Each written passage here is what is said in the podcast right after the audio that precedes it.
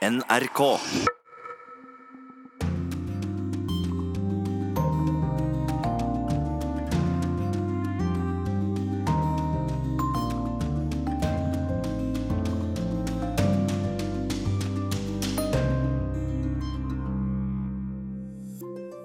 Velkommen til Urix på lørdag. Donald Trumps nei til Iran-avtalen var ukens viktigste nyhet. Den er vår podkast viet til. Det er eh, grunnleggende sett et ekstremt risikofylt spill, hvor han legger Iran og Nord-Korea i potten samtidig. Nord-Korea er en del av risikospillet fra Trump. Vi forteller hvorfor han skal møte Kim Jong-un i Singapore. Og korrespondentbrevet er også viet tøværet på Koreahalvøya. Plakater som viser ett håndtrykk og én nasjon, speiler den koreanske drømmen om sammening og fred. Like ille, kanskje verre, er en britisk forskers spådom om Vestens forhold til Putin i hans neste seks år som president. Og vi får besøk av frosken i fjorden, bloggeren Laurelou Desjardins, som forklarer Norge for franskmenn, men som nå skal forklare oss hvorfor president Emmanuel Macron er blitt så upopulær. Og vi får noen gode råd med på veien fra det som sannsynligvis er verdens sprekeste 103-åring. Get up and get around. Don't sit around doing nothing. Get up and do something. Her i studio denne lørdagen, Øystein Heggen. Aller først til Irak, for i dag skal innbyggerne der bestemme hvem som skal ha makten i nasjonalforsamlingen. Og med det hvem som skal være landets statsminister.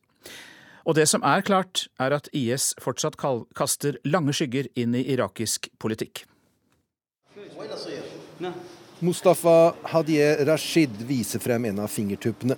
Den er farget blå av blekket som står i en liten bolle i valglokalet. Blekket viser at han har stemt. Jeg er her i dag for å bytte ut de gamle ansiktene. Jeg ønsker politisk og sosial stabilitet i landet, sier den unge mannen før han går ut av lokalet i landets hovedstad Bagdad. Alle velgerne blir registrert nøye, både med et medbrakt elektronisk valgkort og med fingeravtrykk. For første gang gjennomføres det elektroniske valg i landet for å bekjempe valgfusk. Det er parlamentsvalg, og mange velgere sier de ønsker å se noe nytt, ikke bare de samme politikerne som har styrt siden 2003. Men det ligger ikke an til at det blir de store omveltningene. Den sittende statsministeren, Haider al-Abadi, tar æren for å ha ledet landet under kampen mot IS, og får mye støtte på grunn av det. Tidligere statsminister Nuri al-Malaki har en tung bagasje. Han blir beskyldt for å ha sovet på vakt da IS bygde seg opp. Men han har en solid base blant de mer konservative. Den tredje av favorittene er den tidligere transportministeren Heidi al-Ameri. Han har klare koblinger til Iran, og mange som ønsker å stemme på ham. De første resultatene er ventet om tre dager, og etter det vil det etter all sannsynlighet komme en lang periode med forhandlinger mellom blokkene. Halvard Sandberg rapporterte.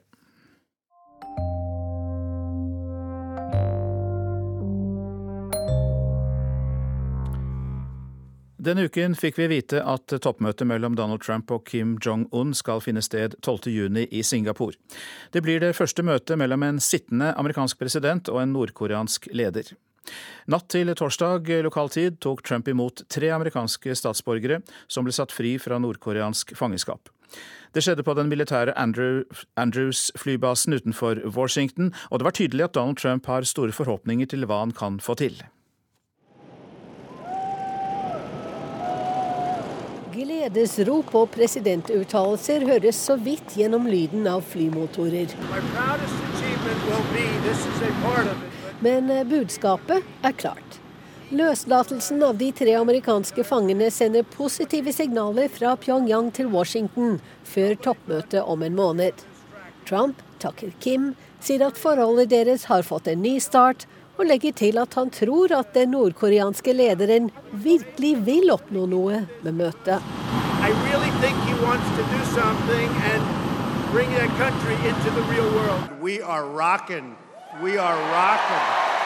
På et valgmøte i delstaten Indiana neste dag understreker Trump at politikken hans virker både nasjonalt og internasjonalt, og forteller om sine store forventninger til møtet med Kim.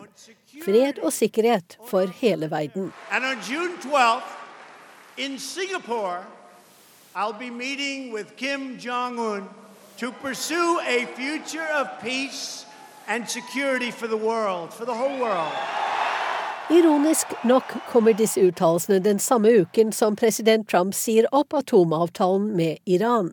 Demokratenes leder i Representantenes hus, Nancy Pelosi, mener at det svekker USAs troverdighet foran Nord-Korea-møtet. It erodes our international credibility during a critical moment with He is preparing for a summit with the leader of North Korea to focus on denuclearization.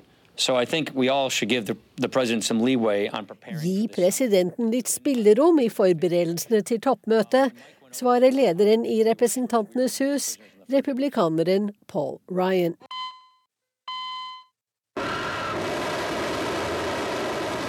Rocket Man is on a suicide mission for himself.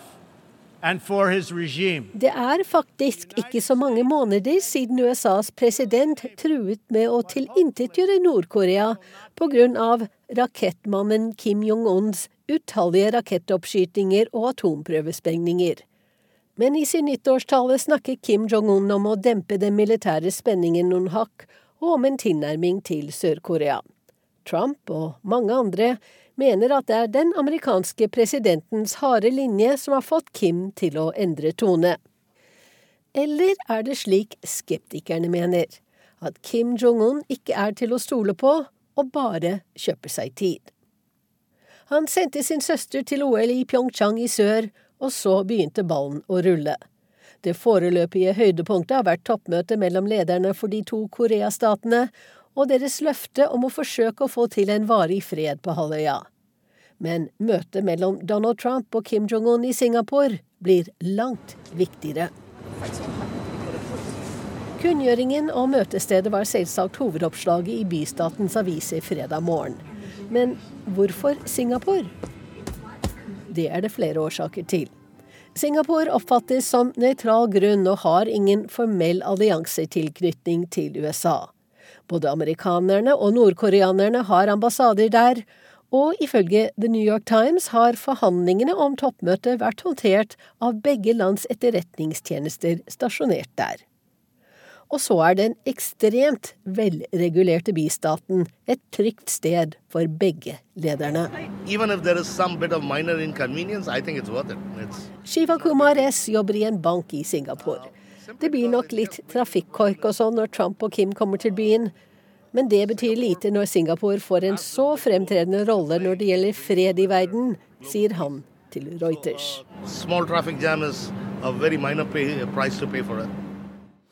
Og I går sa den amerikanske utenriksministeren Mike Pompeo at Nord-Korea kan bli en nær partner, og at USA vil støtte landet økonomisk dersom de kvitter seg med atomvåpen.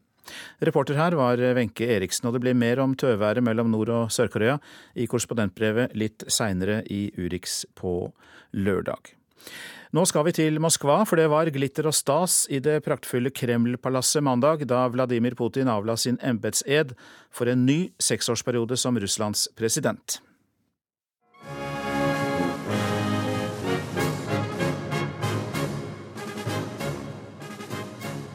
Putin har sittet som president siden år 2000, med unntak av en periode på fire år, da han var statsminister.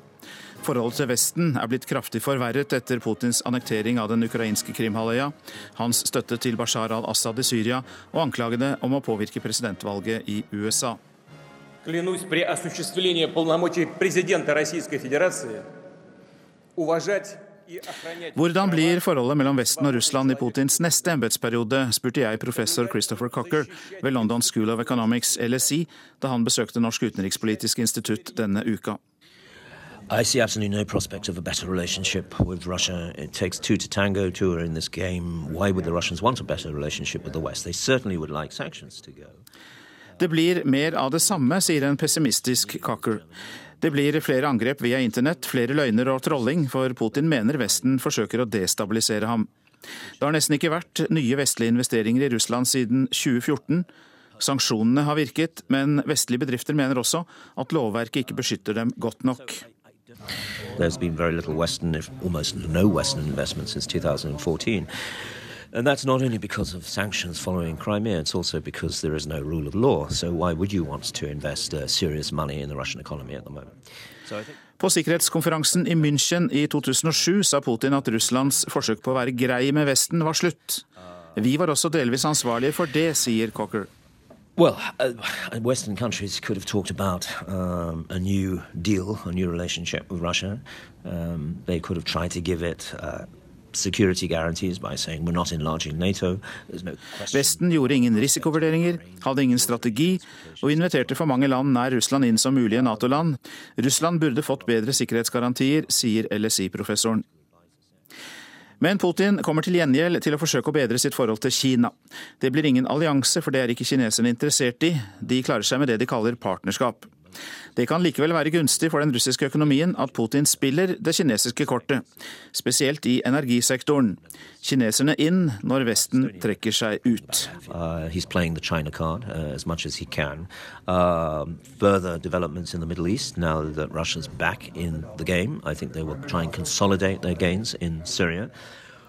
I Midtøsten kommer Putin til å konsolidere det han har vunnet av innflytelse i bl.a. Syria. Det er gunstig for Putin å ha Vesten som fiende, sier Cocker. Han kan nemlig heve den kulturelle fane mot Vesten i sitt forsvar for den russiske sivilisasjonen. Den oppfattes som vesensforskjellig fra den vestlige. Well, you go into Russian churches, you'll see that Nicholas II is a saint and his picture's on the wall. Um, the idea is that they believe Tsar, the good Tsar, not the bad Tsar. And the good Tsar, of course, is not good in the Western sense of being nice. He's strong. Gå bare inn i kirken i Russland, der ser du tsar Nikolai 2.s bilde på veggene, som helgen. Putin ser seg selv i tradisjonen som den gode tsar, men det er ikke det samme som den snille tsar. Tsaren er sterk, han lar deg ikke bli utnyttet eller invadert, og passer på pengene dine i banken.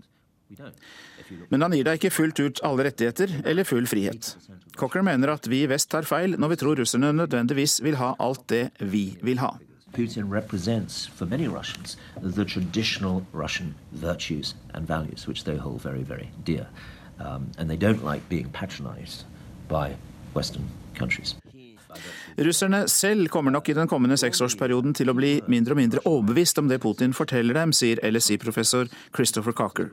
Men de ser ikke noe alternativ. De ser ingen troverdig etterfølger. They alternative. He has uh, ensured that there are no successors, nobody there to follow him. Uh, and from that point of view, uh, I think we'll see continuity rather than any discontinuity.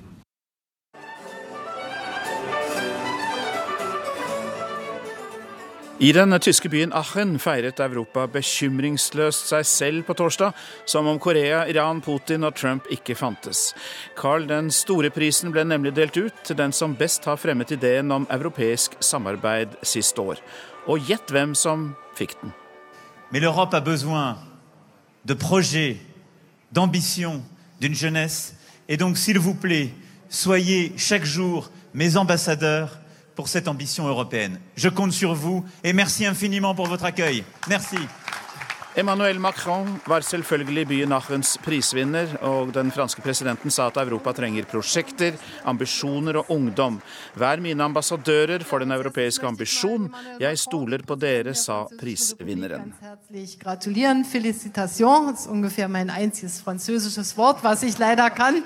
Aber ich hoffe, Sie in Aachen können hier alle Französisch, hat mir Armin Laschet gerade gesagt. Ja, Vi hørte at Tysklands forbundskansler Angela Merkel sa gratulerer med Carl den store-prisen, felicitation, som ifølge henne selv er et av de få franske ord hun kan. Emmanuel Macron er hyppig omtalt og feiret i utlandet i sitt første år som president. Tilsynelatende bestevenn også med Donald Trump, men slett ikke så populær hjemme. Streiker og protester preger Frankrike, har vi hørt i ukevis. Og velkommen, Lorelou Desjardins. Takk. Du er fransk jurist og jobber for Regnskogfondet, men er også blogger og forfatter, og bloggen The Frog in the Fjord, eller En frosk i fjorden. Der ser du Norge med franske øyne. Nå skal du hjelpe oss å se hvem Emmanuel Macron er. Og hvorfor er det så sterke protester når han er jo så populær utenfor Frankrike? Um, de protestene som er nå, det er en uh, streik i jernbane uh, som varer i tre måneder, hvor det er to til tre dager streik hver uke. Eh, og det er mange som er misfornøyde, men eh, det er en ny studie som viser at det er også 45% av franskmenn som er fornøyd med Emmanuel Macron, inkludert de som ikke er i hans parti, så folk fra Parti Sosialist, som er en slags arbeiderparti, og Høyre. Macron har jo sagt at han ønsker flere skandinaviske verdier i Frankrike. Hvilke verdier er han ute etter? Ja, han har snakket om det, den danske modellen og svenske modellen og skandinavisk modellen, mye om arbeidsmiljøloven, eh, pensjon, og eh, hvordan man kan si opp folk mye lettere i skandinaviske land enn i Frankrike. Eh, men han, jeg ser at han vil også ha mer likestilling, f.eks. i regjeringen. Eh, han ha, han har sagt at han vil ha mye mer dialog med sivilsamfunn, med fagforeninger, med samfunnet generelt og være mye nærmere folk. Uh, så, så, det er uh, Han prøver å komme seg nærmere skandinaviske prinsipper. Eller i teori, da. ja, dialog er jo et stikkord her, fordi uh, du jobber jo for Regnskogfondet og har kontakt med franske myndigheter. og du kan se på dialog både hvordan den er i Norge og i Frankrike. Hva er forskjellen? Ja, nå, Jeg jobber eh, med franske myndigheter og europeiske myndigheter nå for å prøve å utelukke palmeolje fra biodrivstoff, som er en debatt som dere kjenner godt eh, i Norge. Og jeg har vært på flere møter, såkalt konsulterings- eller dialogsmøter i Frankrike, med Miljødepartementet annet. Eh, og så ble jeg ganske sjokkert, for å si det mildt. Og f.eks. at sivilsamfunnsorganisasjonen ble invitert kvelden før klokka 11 Eh, og alle fra industrien ble invitert mange måneder før. Og så fikk sivilsamfunnsorganisasjonene ikke noe lov å presentere, holde foredrag. Så det var syv foredrag. Ingen fra sivilsamfunnsorganisasjoner eller fagforeninger eller hvem som helst, bare industrien. Og jeg sendte en veldig norsk uh, klage-e-post til Miljødepartementet for å si at jeg var veldig glad at jeg ble invitert, men jeg syns at det var litt ur... Eller ja, ikke veldig balansert. Eh, og da sa de ja, men du fikk, lov, du fikk lov å snakke, og det burde du være veldig fornøyd med. Du, er da Macron på den eh, franske dialogen, der dialog betyr at du får i hvert fall si det du mener, men ikke noe mer, eller mer på den skandinaviske, der det er en utveksling av ideer? Det er ikke noe utveksling av ideer. og Man kan se det nå fordi regjeringen, eh, Edouard Philippe som er statsminister og Emmanuel Macron, de, de driver og reformerer landet med noe som kalles ordonnance på fransk. og Det betyr at de eh, får lover adoptert uten å ha debatt på nasjonalforsamling eller Stortinget. Og det er veldig unorsk. Jeg, tror ikke det hadde vært mulig her å reformere, endre arbeidsmiljøloven uten å ha debatt at de bare bestemmer seg. Um, så jeg tror at han misforstår litt. Han vil ha en skandinavisk modell. Han vil ha fleksibilitet og kunne si opp folk veldig lett, og det er én ting. Uh, ha en mer dynamisk økonomi, hvorfor ikke? Men, men, da må du også akseptere å snakke med andre enn bare deg sjøl uh, og dine nærmeste rådgivere. Så um, og så med likestilling. Eh, han, han, har eh, et likestilt regjering med så mange kvinner som menn i regjeringen, men det er bare ut av de fem eh, departementsstillinger som har mest makt, som økonomi, utenriksdepartementet, eh, forsvar, er det bare én dame. Så makten er fortsatt hos menn. Tror du at eh, Macron mener dette med mer dialog? Eh, at han ønsker å se mer til Skandinavia, eller er det bare ord han smykker seg med? Jeg tror at han vil det, på en måte. Eh, og han er veldig Han er mye yngre, og han er et slags kommunikasjonsgeni. Så, så jeg tror at han vil det, men han er fortsatt veldig fransk, og, og han er mer Han skjønner mer hvordan en konge fra 1600-tallet har makt, enn hvordan Erna Solberg har makt. Jeg tror det er noe her som han har ikke helt skjønt i systemet. Hjertelig takk for at du kom, eh, Lorelou Desjardins, som vel er fransk, men også litt norsk. Ja, jeg har blitt litt norsk. takk skal du ha. takk.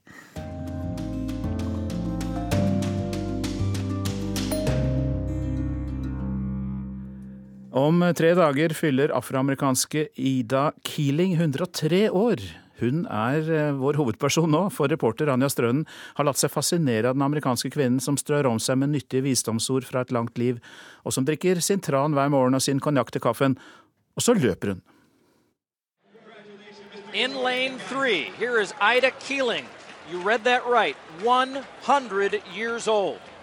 Det er 30. april 2016. På USAs eldste friidrettsbane ved University of Pennsylvania i Philadelphia står en nett dame på knappe 40 kilo. Den lille røde strikkeluen greier ikke å hindre det grå, krusete håret å stikke frem. Joggeskoene er lyse gule, treningsdressen sort og lilla. På magen er startnummer 19 godt festet. Kroppen strekker seg så høyt den kan med sine 137 cm og lener seg litt fremover.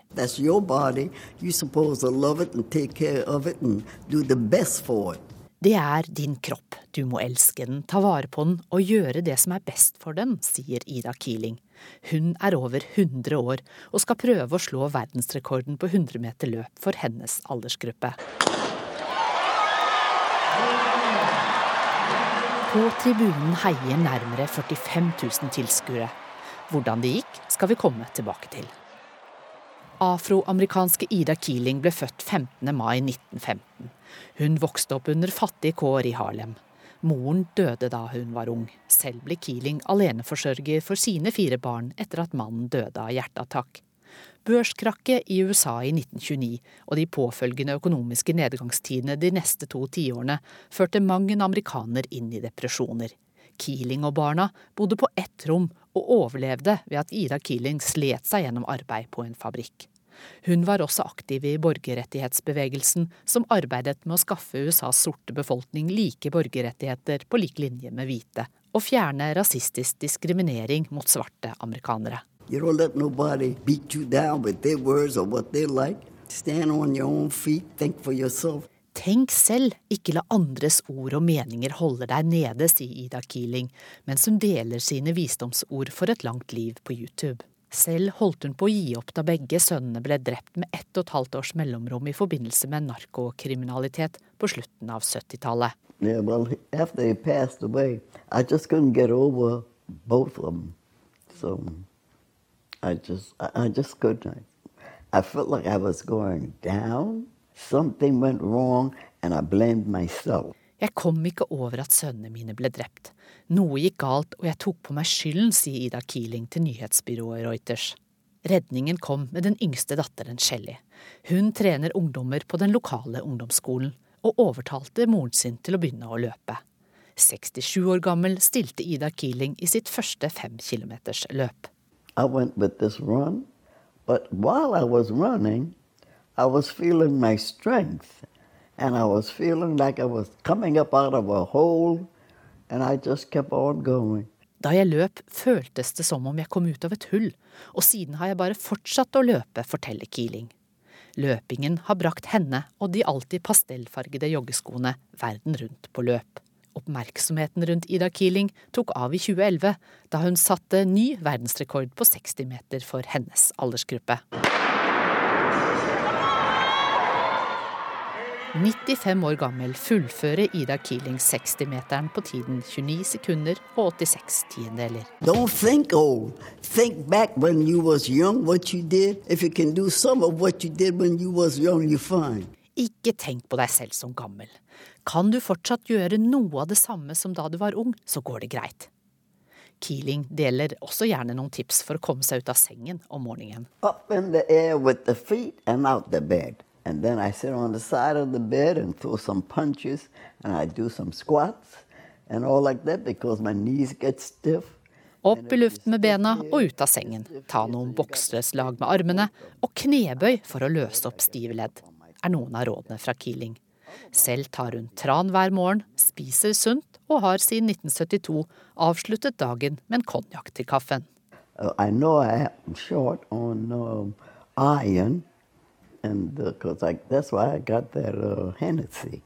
In 72, they gave me that for uh, poor circulation. Doktoren anbefalte Hennessy konjakk fordi jeg har lavt jernnivå og dårlig sirkulasjon. Han sa ikke hvor mye eller hvor lenge, så jeg har bare fortsatt å ta det, sier en smilende fornøyd Ida Keeling. Hun deler gjerne et siste visdomsord. My secret is in my head. Get up and get around. Don't sit around doing nothing. Get up and do something. Kom deg opp og gjør noe, ikke bare sitt der, anbefaler Ida Keeling. Selv har hun nå samlet sin livshistorie og visdomsord i boken Can't Nothing Bring Me Down. Og noe av det viktigste hun sier er at vi bør alle gjøre det vi trenger å gjøre, ikke alltid det vi selv ønsker å gjøre. Og hvordan gikk det så med målet om å bli den første over 100 som løp 100-metersløp? Hør her. Ida Keeling, the 100-year-old, she's gonna cross I don't know if we have a record here, but Ida Keeling, oh, the 100 year old finishes. What a race, Julie. That is awesome. Always one of the highlights. Ida Keeling fullfører her 100-meteren på tiden 1 minutt og 17,33 sekunder, som da er verdensrekord for kvinner mellom 100 og 104 år. Og etter løpet så tok hun pushups, pushups heter det vel, til vill jubel fra publikum. Her i Urix på lørdag skal vi til korrespondentbrevet. Det er fra Asia-korrespondent Kjersti Strømmen. Det gikk et gisp gjennom lokalet da de to koreanske leirene tok hverandre i hendene og Kim Jong-un leide Moon Jae-in over på den nordkoreanske sida av grensa.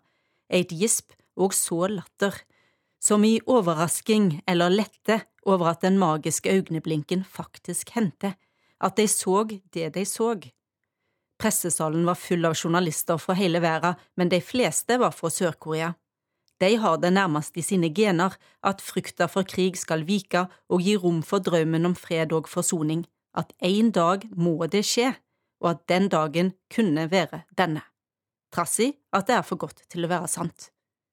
Der og da var det nesten som om drømmen allerede var blitt en realitet, én nasjon, eit folk. Det var en sjelden god TV-øyeblink. De to leirene omfavna hverandre, gikk hand i hand, smilte og lo. Mannen verden har frykta, viste seg fra ei sjarmerende, jovial og ufarlig side. Kim Jong-un sa det måtte bli slutt på det iskalde forholdet mellom nord og sør, for det har vært et mareritt. Nå er tida inne for en varm vår. Kim fra nord og Moon fra sør mente at Panmunjom på den demilitariserte sona burde bli gjort om til en fredspark. Det høres ut som et eventyr. På Panmunjom står soldater fra sør og nord og stirrer hverandre i senk. For få måneder siden skjøt nordkoreanske soldater på en av sine egne da han skifta side og hoppa av til Sør-Korea akkurat her. Og da jeg var med Natos generalsekretær Jens Stoltenberg inn i den nøytrale blå brakka som strekker seg over både sider av grensa i fjor, sto nordkoreanske soldater og stira inn gjennom vinduet med noe som likna på kikkerter. Det var bare et glass imellom, men det kunne like godt ha vært ei heil vær. Toppmøtet mellom Nord- og Sør-Korea var emosjonelt for koreanere på både sider av grensa, men også den amerikanske presidenten lot seg rive med. Donald Trump tvitra at kanskje var det best at også møtet han skulle ha med Kim Jong-un, kunne skje på Panmunjom.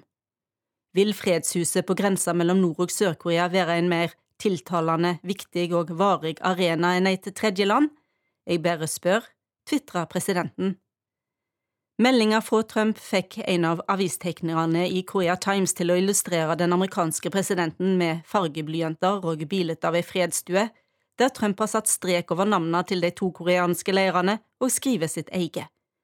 I ei tankeboble sier Trump at dette er mi tegning. På godt asiatisk vis, der det handler om å skryte av andre, og der det å være god på å være audmjuk også gir respekt, ja, så har den dyktige statsmannen og sørkoreanske presidenten Moon Jae-in sagt at Donald Trump bør få fredsprisen for å legge forholdene til rette for fred på Koreahalvøya. Egentlig er det Moon Jae-in sjøl som har klart å manøvrere de fleste brikkene slik at det nå er mulig med et toppmøte mellom USA og Nord-Korea. Disse brikkene er ikke bare Nord-Korea og USA, men også Kina og Japan. De har alle samme mål om et atomfritt Korea, men er ikke samlet om hvordan det skal skje. For Sør-Koreas Moon er det nett det samme hvem som får fredsprisen, så lenge Korea får fred. For å toppe det koreanske toppmøtet med sitt kunne Trump ha valgt seg den nordkoreanske hovedstaden Pyongyang som arena, men det ville ha gjort fiksjon til ekte vare. I den nordkoreanske filmen fra 2012 kalla Landet jeg så, kommer den amerikanske presidenten til Pyongyang fordi landets atomprogram har tvunget USA til å handsame Nord-Koreas leder som en likemann. I filmen blir det brukt ekte klipp av Bill Clinton fra da han var i Pyongyang for å hente ut amerikanske fanger. Det var i 2009, etter at han var ferdig som president, men i propaganda er jo det meste lov. Et toppmøte i Pyongyang kunne ha passa den fryktløse stilen til Donald Trump, men ville trolig gitt Nord-Korea flest poeng. Møtet mellom Trump og Kim vil bli historisk, for det har aldri skjedd før at leirene fra disse to landene har møttes, men det vil aldri kunne nå de samme symbolske høgdene som det koreanske toppmøtet, heller ikke om det hadde blitt på Panmunjom. For koreanerne er den demilitariserte sona et faktum de må forholde seg til, samtidig er det unaturlig for dem at nasjonen er skilt i to. Derfor har også et grenseløst kart dominert det offentlige rommet i sør, siden Nord-Korea ble invitert til og tok del i de olympiske lekene tidligere i år. Plakater som viser ett håndtrykk og én nasjon, speiler den koreanske drømmen om sammening og fred. Etter at de to koreanske leirene tok hverandre i hendene og kryssa grensa sammen som to brødre, sa den nordkoreanske leiren at disse stegene hadde fulgt han med kjensler, og at han ønsket at alle koreanere skal få oppleve det samme. Slike ord går dypt ned i sjela på en splitta nasjon som aldri har forsona seg med ufreden. Diktatoren i nord, som skal ha stått bak drapet på sin egen onkel og sin egen bror, og som har rusta seg med atomvåpen, ble brått et menneske av kjøtt og blod for koreanerne i sør da han viste seg fra ei humoristisk side. Kim fortalte at han hadde tatt med seg den tradisjonelle retten kalde nudler i kjøttkraft den lange vegen, men ops, jeg burde visst ikke ha sagt langveisfra, sa han til bølgende latter fra koreanere i pressesalen. Mens vi andre ble litt forvirra, forsto koreanerne raskt hva han mente, Langvegsfrå kunne bety at maten ikke var fersk. I sør er det ikke lov til å si noe positivt om nord, men nå åpna portene seg. Ikke bare ble restauranter som serverer disse kalde nudlene i sør brått overveldet av lange køer. På Twitter kom folkekravet om at Seoul må få en vaskeekte nordkoreansk restaurant som spesialiserer seg på denne retten, og de vil ha nordkoreansk øl. Koreanerne let seg sjarmere av førstedama fra nord, som de mente var elegant kledd. Bortsett fra alderen var hun slett ikke så ulik førstedama i sør, for både er de tidligere sangstjerner. Førstedama fra nord ba om årsaken for at hun kom til middagen med presidentparet i sør uten å ha noe. Hun hadde nett blitt varsla, hevder hun. Neppe sant, men den litt keitete kommentaren gav henne også et folkelig preg. Det var ikke noe på dette toppmøtet som var tilfeldig, alt var planlagt i detalj. På Fredshuset, der de to leirene signerte Panmunjom-kunngjøringa, var bakteppet et maleri kalla Fjellet Bukhan. Kunstneren har brukt den østasiatiske teknikken med å male motivet fra ulike perspektiv på eit og samme lerret, og det gjør at en får kjensla av å reise inn i naturen. Meninga med dette bildet er å vise at vi inviterer den første nordkoreanske lederen noensinne til å dra inn i sørkoreansk område helt til de kjente Seoul-fjella, skriver presidentpalasset på sin blogg. Møtebordet var også nøye gjennomtenkt med sine 2018 millimeter på midten, som skal understreke at 2018 blir et historisk år. Vinen de drakk, var kulturhistorisk. Det var også sterkdrikken Mumbai Joo, som er fra nord, men nå er populær i sør. Da vi fikk se filmen fra middagen, så det ut som om Kim Jong-un med røde kinn og blankt blikk absolutt hadde fått en god del av den. Da de to koreanske leirene tok fatt på desserten med hver sin hammer og slo hull på sjokoladetrekket, skapte også det begeistring. Under sjokoladetrekket kom det blå, grenseløse Koreakartet til syne, på toppen av en mangopudding. Kartet gjorde japanerne rasende fordi de omstridte øyene koreanerne kaller Dokto og japanerne kaller Takshima, var her gjort til en del av Korea. Det samme kartet ble presentert under OL, men da ble øyene fjerna etter japanske protester fordi Den olympiske komiteen ikke kan akseptere en slik internasjonal konflikt under lekene. Denne gangen handler møtet om det som sammener Korea, og striden med Japan om territorium fungerer da godt som lim. Da de to tok seg en avslappa vandretur og hadde en såkalt privat samtale, som i ettertid ble sagt å handle om det kommende toppmøtet med USA, ja, så gikk de over ei gangbru malt i knallblått, fordi fargen er å finne i FN sitt flagg og i det grenseløse koreanske flagget. Treet Kim Moon planta sammen skal ha blitt skapt i 1953, samme året som våpenhvila ble undertegna og midlertidig stansa Koreakrigen. De to gav dette treet vann og jord som kom fra fjell og elver både i sør og nord. Like ved ble det plassert ei steintavle med budskapen om at her er det planta fred og velstand. Når nå høgtalerne som pumper ut propaganda i både retninger over grensa, er stengte, og Nord-Korea har skrudd klokka til sørkoreansk tid, er koreanerne blitt godt forsynt med symbolikk. Nå mangler bare freden på ekte. Sa Asia-korrespondent Kjersti Strømmen. Vi tar med at Malaysias eksstatsminister Najib Razak trekker seg som leder for sitt parti og alliansen som har styrt landet i over 60 år. Han led nydelig et sviende valgnederlag. Razak får heller ikke forlate landet, han er anklaget for korrupsjon. Mahathir Mohamad er tatt i ed som Malaysias nye statsminister og blir verdens eldste valgte regjeringsleder, 92 år gammel. Nå er det tid for podkasten Krig og fred. Trumps nei til Iran-avtalen er tema, og den er laget av Tore Moland. Han eh, har fått med seg kollegene Gro Holm, tidligere korrespondent i Russland og USA, Sigurd Falkenberg Mikkelsen, tidligere korrespondent i Midtøsten, og Sissel Wold, som har hatt samme jobb i Midtøsten, og som nå er korrespondent i Istanbul. I am announcing today that the United States will Iran nuclear deal. The fact is, this was a horrible one sided deal that should have never, ever been made. It didn't bring calm, it didn't bring peace, and it never will. Krig og fred. En podkast fra NRK Urix. Donald Trump vraker atomavtalen med Iran. Europa er i klemma. De må bestemme seg for om de vil være lojale mot USA eller lojale mot avtalen. Israel og Saudi-Arabia får det som de vil, men ingen vet hva som skjer i eller med Iran nå. Kan et så høyt spill fra én mann føre til fred? Eller er vi rett og slett et skritt nærmere krig? We will be instituting the highest level of economic sanction. Any nation that helps Iran in its quest for nuclear weapons could also be strongly sanctioned by the United States. America will not be held hostage to nuclear blackmail. Gro, hva er det Donald Trump har bestemt seg for nå? Han har sagt opp atomavtalen. Eh, vi går ut, trekker oss, sier han. Gjelder ikke lenger for USA. Eh, og han har bestemt seg for å gjeninnføre alle sanksjonene eh, som var på plass før avtalen ble inngått. Det betyr også sanksjoner mot tredjeland, altså også mot f.eks. EU-landene. Sigurd, hvordan tolker du det store bildet? Nei, Det var et uh, ekstraordinært øyeblikk i, i, verdenspolitikken, vil jeg si. Uh, fordi det var en så kraftig tale, som man først og fremst kommer til å merke i Midtøsten, hvor ting nå er veldig usikre. og også som kommer til å gjøre forholdet mellom USA og Europa veldig vanskelig i, i årene som kommer. Og sånn som jeg ser det, i hvert fall, så, så tror jeg dette er det tøffeste øyeblikket mellom, mellom, Washington og, og Europa siden Irak-krigen i 2003. Today is uh, an historic day. It is a great honor for us to announce that we have reached an agreement on the Iranian nuclear issue.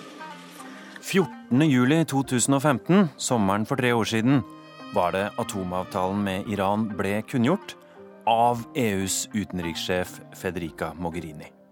Undertegnet av Frankrike, Storbritannia, Tyskland, Kina, Russland og ikke minst USA og Iran. Joint Comprehensive Plan of Action lyder det formelle navnet. Hva er egentlig atomavtalen? Hva er det som står der?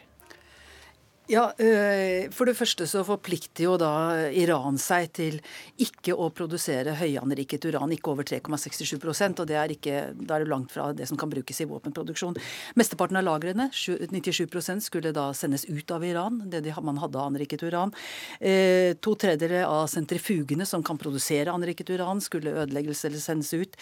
Eh, og den, en, en, reaktor hvor man kunne produsere plutonium, som vi også kan bruke i atomvåpenproduksjon, skulle eh, skulle stenges ned og ble stengt ned. Og, eh, dette skulle da, Avtalen gjaldt fram til 2030, gjelder fram til 2030, men allerede fra 2025 så skal man lette litt på dette med muligheten til å produsere lavanriket uran og, og, og, forske på det.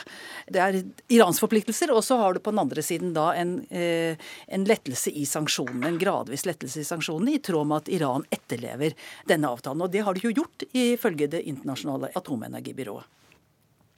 Hva slags prestasjon var den avtalen da den kom? Det ble jo regnet som altså, absolutt ja, noe av det største som er oppnådd innen internasjonalt diplomati etter, eh, etter andre verdenskrig. Det er klart du har andre nedrustningsavtaler, som startavtalen, eh, avtalen om mellomdistanseraketter, men det er på det nivået. Dette var en stor internasjonal avtale, og det ble regnet som, som eh, ja, en stor eh, prestasjon at man klarte med så mange land klarte å få til en sånn avtale. Og det ble regnet som et viktig skritt for å sikre freden i Midtøsten. Og vi skal huske på at uh, De var jo veldig høyt oppe i spekulasjonene om forhandlerne eller noen av deltakerne skulle få Nobels fredspris. Sissel, du har jo dekket Iran tett. Eh, hva slags status har atomavtalen hatt der? Eh, den har fungert eh, utad fordi at eh, Iran har oppfylt kravene fra FNs vaktbikkje IAEA. Men innad har den, har den jo ikke fungert på samme måte. Hassan Rouhani har knyttet all sin politiske prestisje og sin fremtid til denne Iran-avtalen. Han har lovet unge iranere uten arbeid. Det er jo veldig høy arbeidsledighet i Iran blant unge. Eh, at de skulle få jobber, at eh, økonomien ville få en boost eh, så snart denne avtalen fungerte også økonomisk. Han håpet at det var mange europeiske og internasjonale selskaper som ville komme og investere i Iran. Dette ville skape bedret økonomi, flere arbeidsplasser, flere muligheter. Men slik har det ikke gått. Så iranerne selv har ikke fått noe resultat de har ikke sett at løftene fra er blitt innfridd. De har ikke sett at atomavtalen har bedret deres liv. The Iran deal was one of the worst and most one sided transactions I've ever seen drawn by anybody, ever, ever. And I mean never. Frankly, it was totally one sided. It should have never been made, believe me. But I will say uh, if Iran threatens us in any way, They will pay a price like few countries have ever paid. Gro, det er lett å forstå at Donald Trump ikke har så mye til overs for eh, Iran-avtalen. Men hva er egentlig ankepunktene hans? Altså, han, altså En ting er hva han gir som begrunnelse. Det er jo dette at uh, de produserer fortsatt uh, langtrekkende raketter. Det er at avtalen ikke gjelder lenger enn til 2030. Det er at uh, Iran er sponsor for terrorbevegelser, som man sier i Midtøsten. Men det er begrunnelsen. Hvis vi ser på drivkreftene, så tror jeg det handler om at Trump ser på seg selv som en av verdens beste forhandlere, og han syns at han er fullstendig knusende overlegen Obama. Og han, han tror at i det øyeblikk han kan komme, sitte, eller hans nærmeste representanter sitte ved forhandlingsbordet med Irans ledere, så vil han få til en avtale som er mye bedre. Han sa i går at det er naturlig at Irans leder sier nei til å forhandle om en ny avtale, slik de har gjort. Eh, det ville jeg også trolig gjort, sa Trump da. Eh, det er bare liksom forhandlingstaktikk, underforstått. Men faktum er at de kommer til å ønske å lage en ny og varig avtale. Og, og jeg tror det er hans instinkt.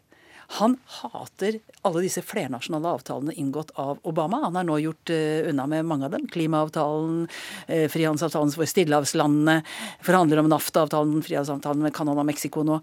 Og dette, nok, dette er, var kanskje noe av det aller viktigste i Iran-avtalen. Han tror at bare han kan sitte ned, så, så, blir dette mye bedre. Han, han, tror at det går an, akkurat som i et samlivsbrudd. Så, så, så jeg tror han at ved å true med å gå, så kan han få den andre parten til å si nei, vær så snill, nå kan jeg snakke. Sånn tenker han.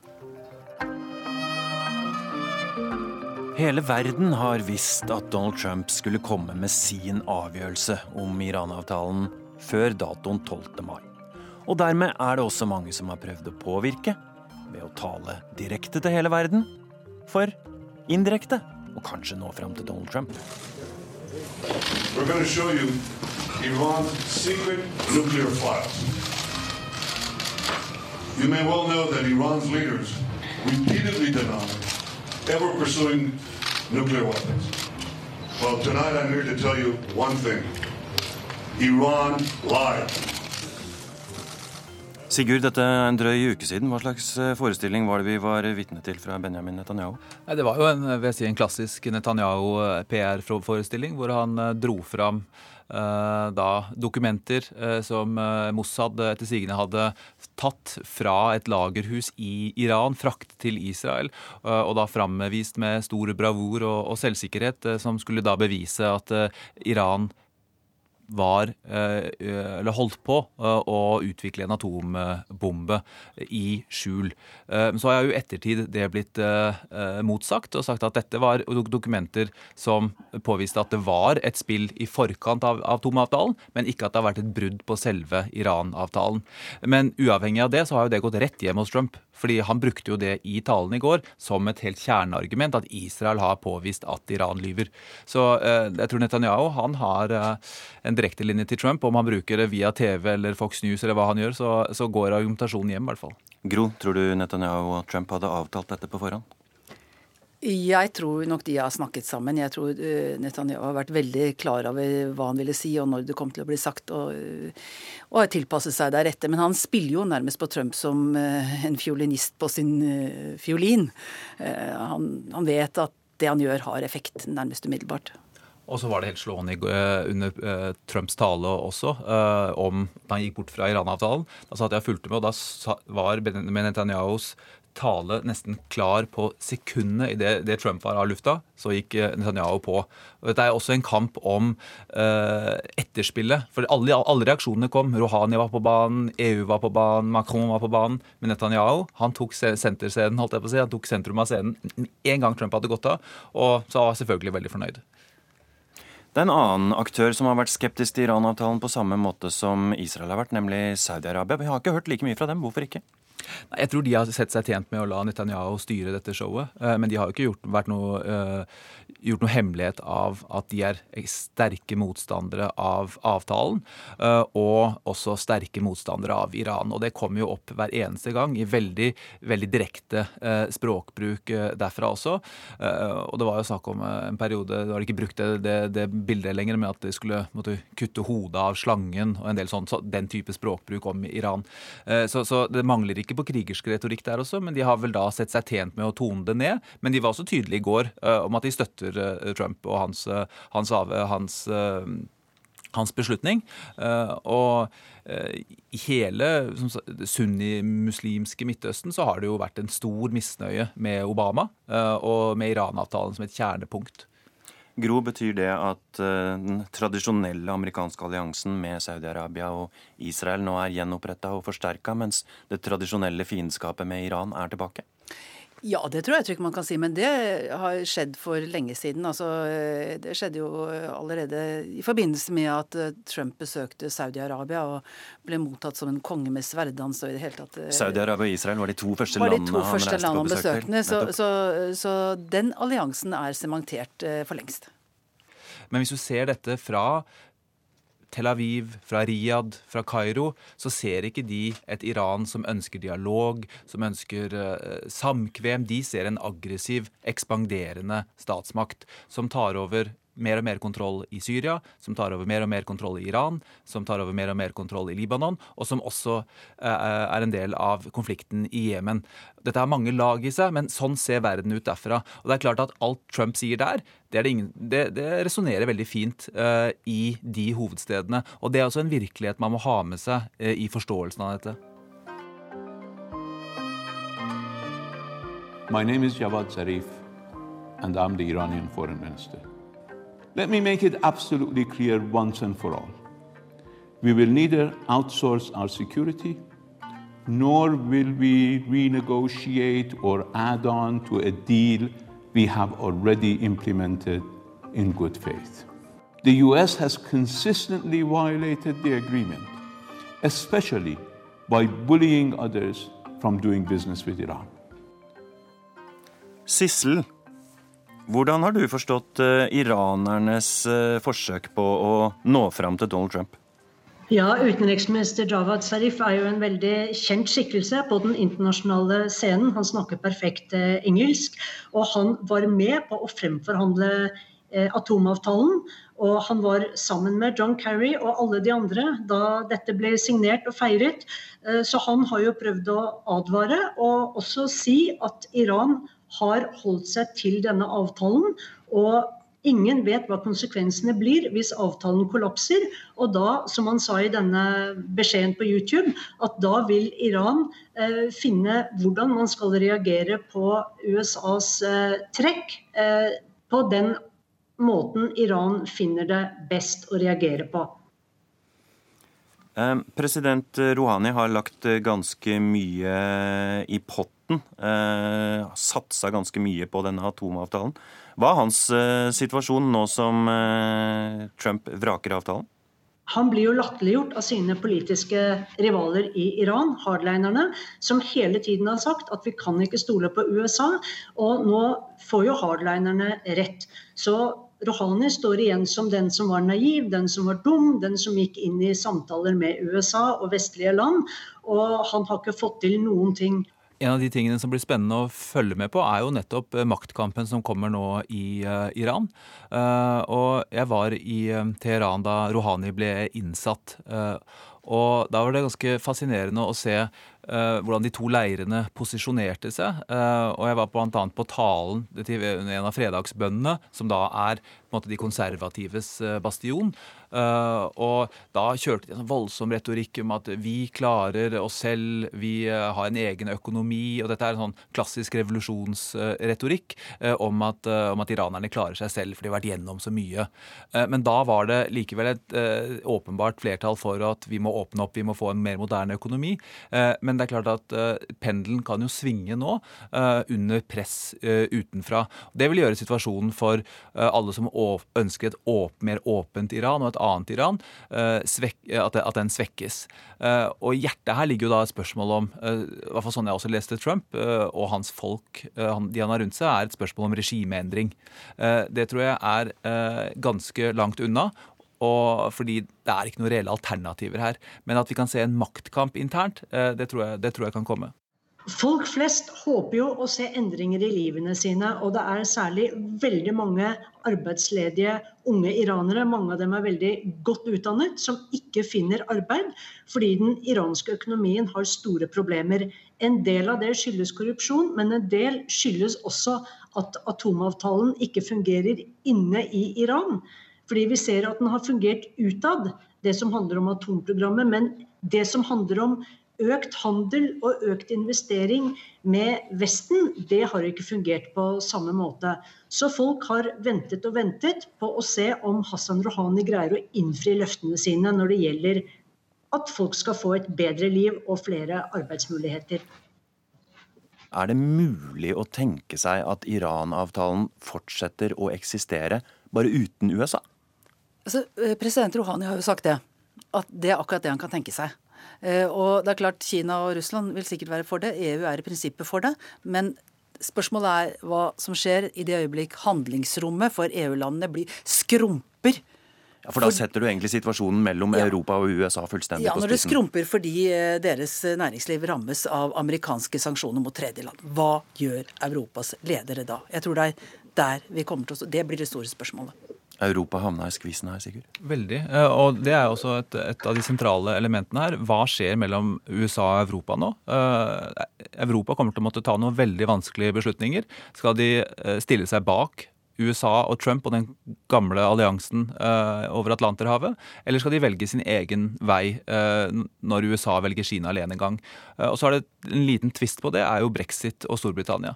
Vil de velge en annen linje enn resten av EU. Det er, også, det, er også et, det er også et element der, særlig når man vet hvor sentralt London er for internasjonal finans. La oss høre på Boris Johnson, som rett og slett reiste til USA for å forsøke å påvirke Donald Trump. Han fikk aldri møte han, men han skrev leserinnlegg i New York Times og ga masse TV-intervjuer. Working with our European friends, we think we can be tougher on, uh, on Iran, but not throw away that, the, the heart of the deal, which is all about stopping them getting a nuclear weapon. Well, They, they won't. We've got to be very clear about that. Jeg tror til og med Boris Johnson sa noe slik som at uh, hvis eh, Barack Obama fikk fredsprisen for å gjøre absolutt ingenting, så måtte vel Donald Trump kunne få den hvis han fiksa forholdet både til Iran og Nord-Korea. Altså Det kan man jo være tilbøyelig til å være enig med ham i.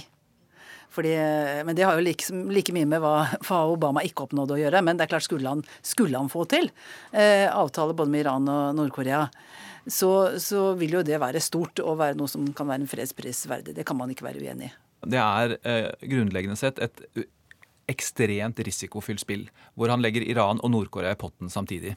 Og det, han ønsker, er å parallelt legge press på nordkoreanerne, si dette er hvordan jeg forhandler og samtidig ønske å reforhandle Iran. Og samtidig som han sa at han bryter Iran-avtalen, så sa han i samme tale at han også sender sin egen utenriksminister Mike Pompeo til Nord-Korea. Sånn at Han har kobla disse to tingene sammen nå i en ekstremt risikofylt strategi, hvor det også er veldig vanskelig å se noen vei ut hvis det først skulle gå galt. Sånn at vi er oppe i et, et, et, et ganske spent øyeblikk i verdenshistorien. Altså, hvis han har rett, så vil jo det definitivt gå inn i historien som et av de store eksemplene på ja, eh, de store klassiske tingene man vil studere i internasjonal forhandlingsdiplomati. Ah, men det er jo nettopp risikoen for at han tar feil, eh, som er så eh, dramatisk, og hva det kan føre til. Du har hørt podkasten Krig og fred med Tore Moland. Thank you for listening, and good day. Og vi som laget Urix på lørdag, var Lisbeth Sellereite, Ragnhild Vartdal, Pål Solheimsnes og her i studio Øystein